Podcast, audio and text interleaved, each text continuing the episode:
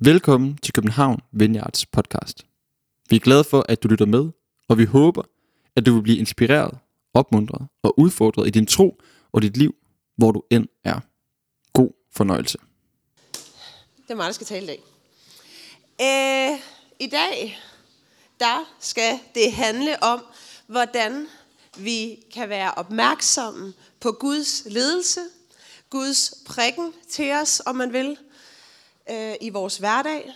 Både i det smukke, når vi udfolder vores gaver og vores styrker, det går godt, det kører for os. Men også i det svære, når vi møder vores egne indre nørklede issues. Jeg ved ikke, om du kan genkende den beskrivelse. Nogle gange synes jeg, det er sådan, det kan føles. Ens indre kan nogle gange være lidt nørklet, labyrint, og lige pludselig der var der et issue. Der var nogen, der trådte ind i. Vi støder jo på det af og til i hverdagen, både det, der er nemt, det smukke og det svære. Og jeg tror på, at Gud han kender os. Jeg tror på, at Gud han hjælper os igennem det hele, igennem livet. Han hjælper os. Og Gud han er ikke bare vores hyrde, som vi læser om i salme 23. Han er ikke bare vores himmelske far. Han er ikke bare vores frelser, vores redder. Han er også vores ven. Han er en ven, som kender dig, som ønsker at hjælpe og støtte med det, der er smukt og dejligt i livet, og det, der er svært og hårdt. Det tror jeg virkelig på. Og vi skal læse en tekst fra Johannes evangeliet. Og øh, her beskrives nogle helt særlige og skældsættende øjeblikke. Jeg synes, det er en ret fantastisk tekst. Det er, hvor Jesus han kalder de første disciple. Altså de unge mænd, som fulgte ham, lærte af ham og forandrede verden for altid. Når man lige tænker over det, så er det jo her, det fællesskab, det venskab startede, som spredte evangeliet hele vejen, øh, altså over hele verden helt op til os her i nord. At vi er her i dag, lige her, at vi kender håbet og livet i Jesus, det har vi blandt andet at takke de her venner for. Og vi skal læse om, hvordan det her venskab lidt starter. Og øh, Scenen, som om man vil, starter med, at Johannes støberen, ikke disciplen Johannes, og man skal lige have tungen lige i munden, for der er et ordentligt persongalleri i den her tekst. Den starter med Johannes støberen, som er øh, den mand, han gik rundt ude i ørkenen og fortalte om, at Jesus snart var på vej. Det er ham, det starter med, når der bliver talt om Johannes, og altså ikke disciplen Johannes. Men Johannes støberen, han havde nogle disciple også, og øh, de står sammen med ham, når vi kommer ind i historien. Og jeg vil bare lige opfordre jer til, Øhm, man kan ikke helt holde styr på alle de her personer, så i stedet for at prøve at lægge mærke til stemningen, jeg fortolker den som let og glad omkring noget meget vigtigt og meget afgørende. Lad os læse den. Den kommer herop også. Næste dag stod Johannes Støberen der igen med to af sine disciple. Han ser Jesus komme gående og siger, se, der er Guds lam. De to disciple hørte, hvad han sagde og fulgte efter Jesus. Da Jesus vendte sig om og så dem følge efter, sagde han, hvad ved I? Og de svarede, Rabbi, hvor bor du? Rabbi betyder mester. Han sagde til dem, kom og se. Og de gik med og så, hvor han boede og blev hos ham den dag. Det var den tiende time. Andreas, Simon Peters bror, var den ene af de to, som havde hørt, hvad Johannes sagde og var fuldt efter Jesus. Først møder han sin bror Simon og siger til ham, vi har mødt Messias. Det betyder Kristus. Han tog ham med hen til Jesus. Da Jesus så ham, sagde han, du er Simon Johannes' søn. Du skal kaldes Kefas. Det er det samme som Peter. Næste dag vil han tage til Galilea, altså Jesus, og møder Filip. Jesus siger til ham, følg mig. Filip, han var fra Bethsaida, fra samme by som Andreas og Peter.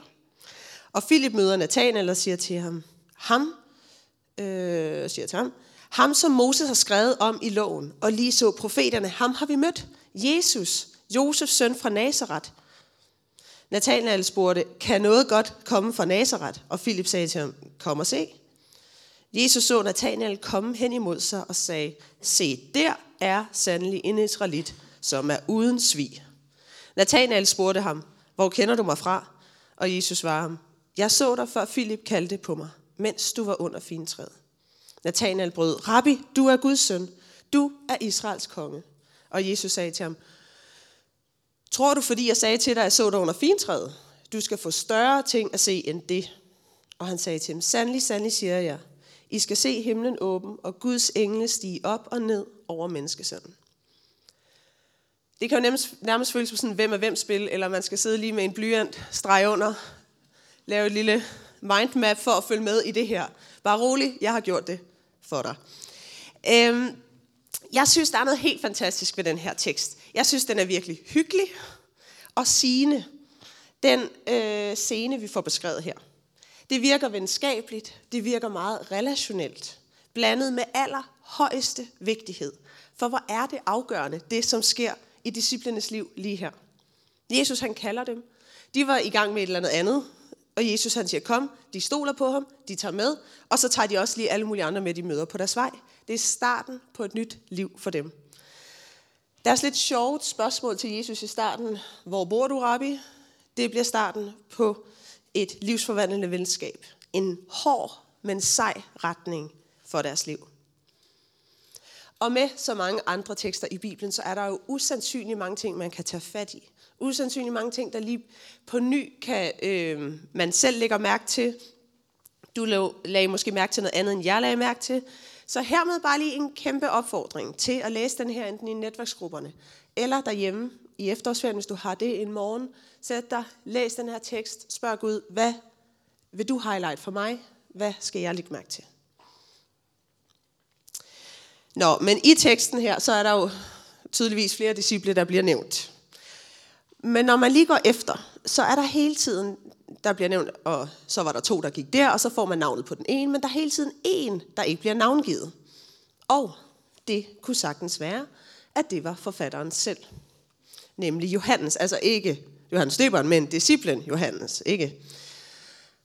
Han har ikke været særlig gammel, han har nok været teenager, og i det lys, at det er ham, der fortæller det her, så synes jeg, at den her tekst får et helt andet lag. Et ekstra lag. Det er som om Johannes han bare virkelig gerne vil fortælle os, hvordan Jesus var. Hvordan det her møde fandt sted. Jeg tror, vi alle sammen kender det, de her betydningsfulde øjeblikke, hvor vi, når vi tænker tilbage, vi kan nærmest gengive hvert øjeblik, så sagde de det, så sagde de det, så sagde jeg det. Så sagde jeg. Fordi man bare har det sådan skåret ind i hjernen, for det var noget vigtigt, det var noget stort, der skete. Og her tager Johannes virkelig mange replikker og udvekslinger med. Måske fordi han var så opslugt, han var så fascineret. Han vil så gerne dele det med os. I skal, I skal prøve, I skulle have været her, det var fedt. Jesus, han, vi, vi blev venner. Han kaldte på os, han så os. Og Johannes han skriver det hele ned, og han hjælper os også med regibemærkninger. Jeg ved ikke, om I lød mærke til det. Der stod, Rabbi, hvor bor du? Og så står der, det betyder mester siger han. Og Jesus giver øh, Simon et navn Peter, står, øh, nej, Kefas, og så skriver Johannes, Kefas er det samme som Peter. Og lidt senere, når han siger, at vi har mødt Messias, så står der, Messias betyder Kristus. Det er som om, han er sådan, jeg skal lige have alle sammen med, fordi at det, det her det er virkelig vigtigt. Jeg skal nok hjælpe jer med at oversætte, forstå det her. Det er vigtigt for Johannes, at vi forstår, hvor, hvor epokegørende det her det her venskab, det her fællesskab, der starter her, er. Han er begejstret til det, han er vidne til, og han vil dele det med andre. Og jeg tror, at Johannes, han nok havde samme oplevelse, som Nathanael, vi også læste om her, havde, da Jesus tydeligvis kender ham, inden han kalder ham. Følelsen af at blive set, følelsen af at blive genkendt og inviteret med på en spændende rejse. Jesus han møder de her unge mænd, og straks så ser han potentiale i dem. Han ser deres hjerter, han ser deres sjæl, og han siger, det her, det bliver godt. Det her, det bliver rigtig godt. Det bliver sjovt, og det bliver godt. Kom med, følg mig, og jeg ser dig. Men jeg giver dig også et nyt navn, som han gjorde med Simon Peter. Han giver ham straks et nyt navn. Et stærkt navn. Og vi ved jo ikke, øh, præcist, hvad det er, Peter måske har gået og tumlet med. Det kan være, at han synes, der har været nogle ting, der har været svære i hans liv. Øh, det ved vi ikke, men må ikke Jesus vidste det. Må ikke Jesus vidste, at nyt håb og nyt liv vil spire frem hos Simon ved at modtage det nye navn, fuld af håb. Og Nathanael, han lyder lidt som en frisk fyr, der siger, det, han tænker, Og måske også selv nogle gange blive overrasket over det, han siger. Jeg ved ikke, om I kender det, eller kan genkende det ved jer selv. Man tænker, nå, det gik da hurtigt med at få sagt det. Han har sikkert kommet øh, galt afsted rigtig mange gange i livet. Det han, han slynger straks ud, kan noget godt komme fra Nazareth. Og der skal man bare lige vide, at Nazareth, eller øh, Nathanael, han kommer fra Kana. Og Kana og Nazareth, de er tæt på hinanden. De er rivaliserende byer. Nu kommer jeg fra Græsted, og vores rival er Gilleleje. Det vil jo være som en eller anden, jeg ved, der sidder nogen fra Gilleleje her i, her i salen. Det vil jo være som en af de der Gilleleje-folk, der siger, kan noget godt komme fra Græsted? Og det siger de ofte. Det, det er ligesom, det er tilgangen til Græsted. Kan noget godt komme fra Græsted? Og ja, der er så mange gode ting i Græsted. Det er dejligt i Græsted. Men det er lidt denne her frisk, fyragtige ting, der kommer fra Nathanael. Kan noget godt komme fra Nazareth? Spørger den kanan. Kanamanden på den høje hest. Derefter så er det også, når Jesus så øh, fortæller, at han har set, øh, han kender Nathanael, øh, og han ved, hvem han er, så siger han også, hvorfor kender du mig, eller hvor kender du mig fra? Sådan lidt kægt i forhold til, at han er i gang med at finde ud af, om det her er Messias, ham som alle, hele hans folk har ventet på i over 100 år. Men jeg tror, at Jesus godt ved, hvordan Nathanael, tænker, hvordan han taler. Jeg tror, Jesus kender hans humor, og jeg tror også, han giver lidt igen. Han er også lige lidt, tror du, tror du kun fordi du, jeg siger, at jeg har set dig under et fint træ? Altså det, han giver lige lidt igen. Venskabet mellem Jesus og disciplene bliver vist i den her tekst, synes jeg. At Jesus han er vores ven. Han kan lide os. Han kender os. Han kender vores humor. Kender, hvordan vi fungerer. Og han siger, det her, det bliver godt. Og det er som om, at Johannes' begejstring over Jesus og det, som sker lige der, smitter af. I hvert fald på mig. Jeg bliver glad af at læse det her. Fordi det viser mig nemlig, at Jesus også er min ven. Han kender mig helt dybt. Han kan hjælpe mig. Han leder mig. Og han vandrer med mig. Og jeg kan lige høre Jesus fuld af kærlighed velkommen mig ind i det fællesskab, ligesom han gjorde ved disciplerne. Hvor han siger det, han ved, der vil bringe mig ro i mit sind og håb for fremtiden. Og nok også give mig lidt modspil, når jeg har, fået, når jeg har brug for at få videre. Nu tager jeg det lige helt roligt. Jeg tror Gud, han kender os. Samtidig med, at han viser sin kærlighed og omsorg over for os, så tror jeg også på, at Gud han prikker til mig, til dig, når vi har brug for at ændre vores handlinger, ændre vores mønstre, når der er nogle ting, vi måske skal gøre lidt anderledes. Til glæde for os selv og til glæde for andre omkring os. Og jeg vil gerne komme med to, øh, to korte personlige eksempler på, hvordan Jesus leder mig og hjælper mig til at vandre mere i hans fodspor med alle de ting, som jeg går og bakser med. Det smukke og det svære. Og der kunne være mange eksempler, og du har helt sikkert dine egne eksempler fra din hverdag. Her er to fra min. I søndags, der måtte jeg skrive en undskyld-sms til min gode kollega Katrine, der er børnepræst. Og jeg ved ikke, om du kender de her undskyld-sms'er. Øh, det er nogle, jeg øver mig på at skrive hurtigt, øh, eller helst have face to face, så snart der er brug for det. Øh, nogen vil mene, og det vil jeg nok også selv, at der er nok brug for dem oftere, end jeg får skrevet dem. Men vi er alle sammen på vej, ikke også? Øh, den morgen, der havde jeg været ret øh, kort for hovedet og lyt ret sur, mens vi forberedte gudstjenesten. Og øh, under lovsangen, det var til formiddagsgudstjenesten, så kunne jeg bare mærke Gud prik til mig og highlight den her situation for mig. Og jeg vidste bare sådan, ja, jeg må lige sige undskyld. Det er jo ikke en måde, jeg egentlig synes, vi skal snakke til hinanden. Og det var ikke helt okay, at det gik ud over hende. Jeg vidste, jeg måtte sige undskyld. Så jeg, øh, så gudstjeneste, hvor jeg ville dyr, og jeg nåede det ikke lige, så jeg skrev en, en af de famøse undskyld sms'er. Øh, fordi det handlede jo ikke om hende, måtte jeg skrive. Det handlede bare om min dårlige morgen, der blev presset af et YouTube-klip, der langt fra levede op til forventningerne til det, jeg skulle bruge det til. Og upsi dupsi, så gik det ud over Katrine. Her kan vi jo komme ind på igen vores nørklede indre selv med alle de issues, der lige pludselig poppede op, og man tænkte, hvor kom det fra? Jeg øver mig i at lytte til Guds prikken til mig. Jeg øver mig i at få sagt undskyld. Og så vælge mildheden frem for hårdheden næste gang. Jeg øver mig i at gribe Guds kærlige ledelse og inspiration i mit liv. Gribe det, og så faktisk også handle på det.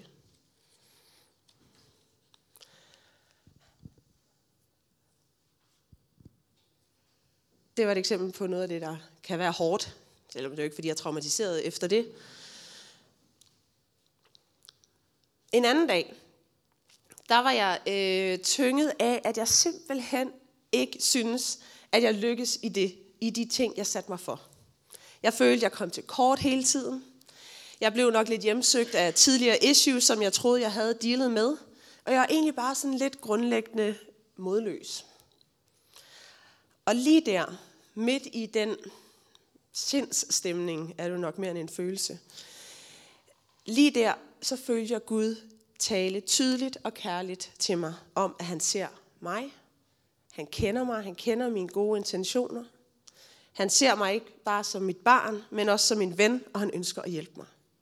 At han midt i min frustration stadig velsigner folk gennem mig og bruger mig, som han vil. Og det gav ro på vandene inde i mig, hvor end sådan modløshed sidder. Jeg stoppede med at grave rundt i mit indre, efter alt det, der skulle fikses, og var meget problematisk, og det er altså heller ikke helt godt nok, det er heller ikke godt nok, nu må jeg lige tage mig sammen. I stedet for, så fik Guds ord lov til at runge i mit indre. Han viste mig det smukke, han havde skabt i mig. Han kaldte det frem, og han viste mig, hvem jeg var i ham.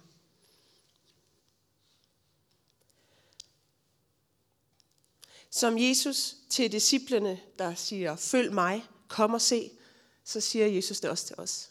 Han siger, følg mig, kom og se. Ja, ja, der er rigtig meget, du ikke har styr på, men jeg tror på dig. Kom med, jeg ser dit hjerte, og jeg er klar til at hjælpe. Teksten i dag den handler om, hvordan Jesus han kender sine disciple. Han ser dem smukkere, end de er. Samtidig med, at han kender deres svagheder og brudhed. Han ser det hele. Han taler det frem. Og det tror jeg også, man kan sige om dig og mig. Jesus han ser dig smukkere, end du er. Samtidig med, at han kender dine svagheder. Kender det, der er brudt i dig. Det, der er svært, det, der er tungt og hårdt. Det, du hele tiden kommer tilbage til. Han kender det. Han ser det hele. Han taler det frem. Han siger, kom, følg mig. Jeg vil gerne hjælpe dig. Jeg tror, han gør det til os igen og igen, dag efter dag.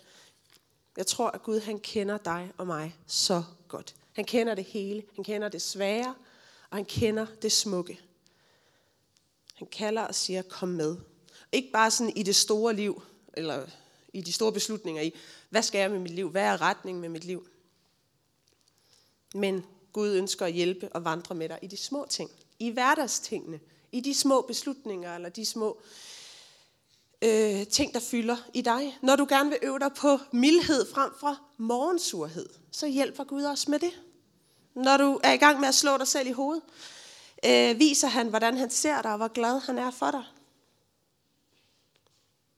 Kærlighed og sandhed, det går altid hånd i hånd hos Jesus.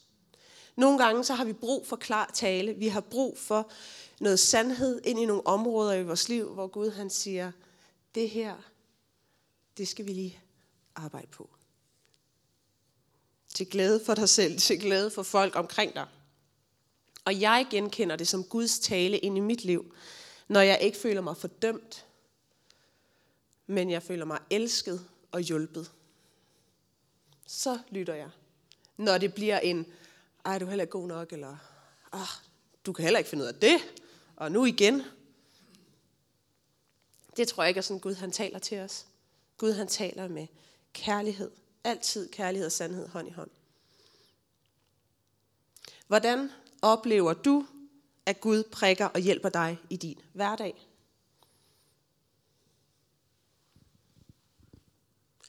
Og hvornår er du mest opmærksom på hans prikken? Jeg kalder det prikken, fordi nogle gange er det, det kan også være, Gud han minder dig om noget, eller du får en tanke, hvor du tænker, hmm, hvad var det? Hvordan oplever du, at Gud prikker og hjælper dig i din hverdag? Det er et spørgsmål. Jeg tror, at der er stor, en stor pointe i, øh, omkring undskyld, opmærksomhed. Der er en stor pointe omkring opmærksomhed, når det kommer til at lade os lede af Gud i hverdagen. Vi kan komme til at fylde os med så meget alarm, det ved jeg godt, det kender vi alle sammen. Hver gang der lige er lidt stille, så kan det nogle gange godt være en, øh, til det, så fylder man det med et eller andet. Men hvordan og hvornår på en hverdag er du opmærksom på Guds ledelse af dig midt i det hele? Har du en god stol, hvor du på en særlig måde falder til ro i dit indre og kan connecte med Gud? Har du en særlig park, hvor når du går ind i den og går en tur, så oplever du Guds nærvær og tale til dig på en helt særlig måde? Er det om morgenen, hvor der lige er syv minutter til at lytte og mærke Gud, eller er det om aftenen, når dagen er ved at slutte? Er det under lovsangen øh, til en gudstjeneste, eller til en netværksgruppe, eller øh, community? Er det under lovsangen, hvor du på en særlig måde beder, beder Gud om at tale til dig? Er det på løbeturen? Er det, når du, øh, er det under nadver, som vi skal have lige om lidt? Er det i netværksgruppen under stillhed og lovsang? Hvordan mærker du Gud i hverdagen? Hvordan mærker du ham på en nærværende måde? Og det kan være svært at svare på, og hvis det er, så er det også virkelig helt fint. Det er svært at svare på. Men så er det jo også en gylden mulighed for at prøve nogle ting af. Teste lidt. Hvordan er det, mit sind slapper af og giver plads til at lytte til Gud? Da jeg flyttede lejlighed for to år siden, så øh, måtte jeg finde mig en ny park. Jeg havde noget med assistenskirkegården, der sådan gennem mange år var helt særlig for mig øh, og Gud. Øh, så jeg skulle finde en ny park, og den har jeg ikke fundet endnu. Øh, eller i hvert fald ikke lige et godt sted på den måde.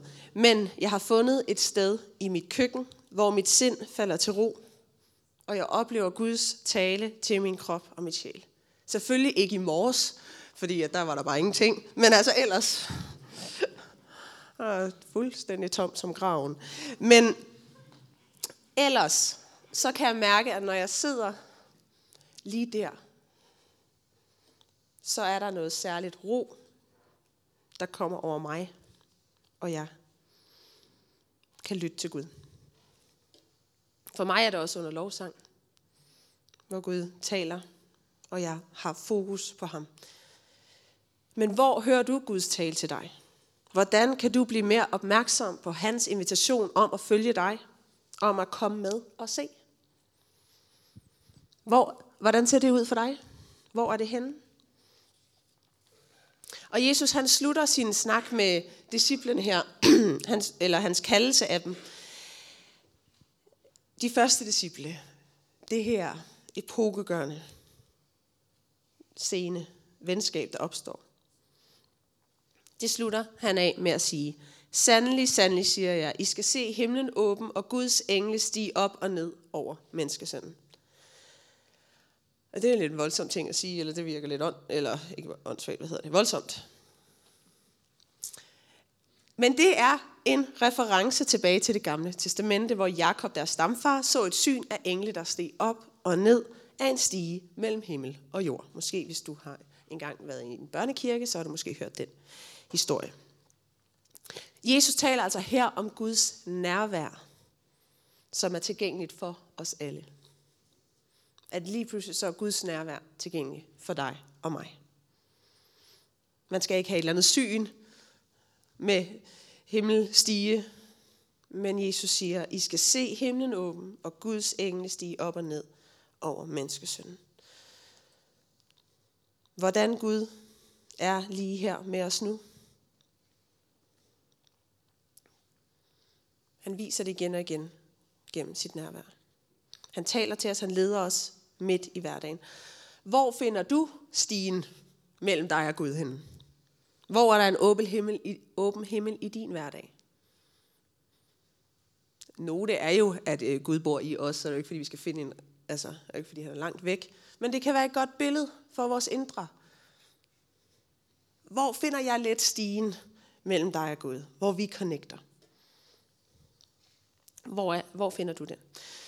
Vi ser i teksten, Jesus han kender sine disciple, inden de kender ham. Han ser dem.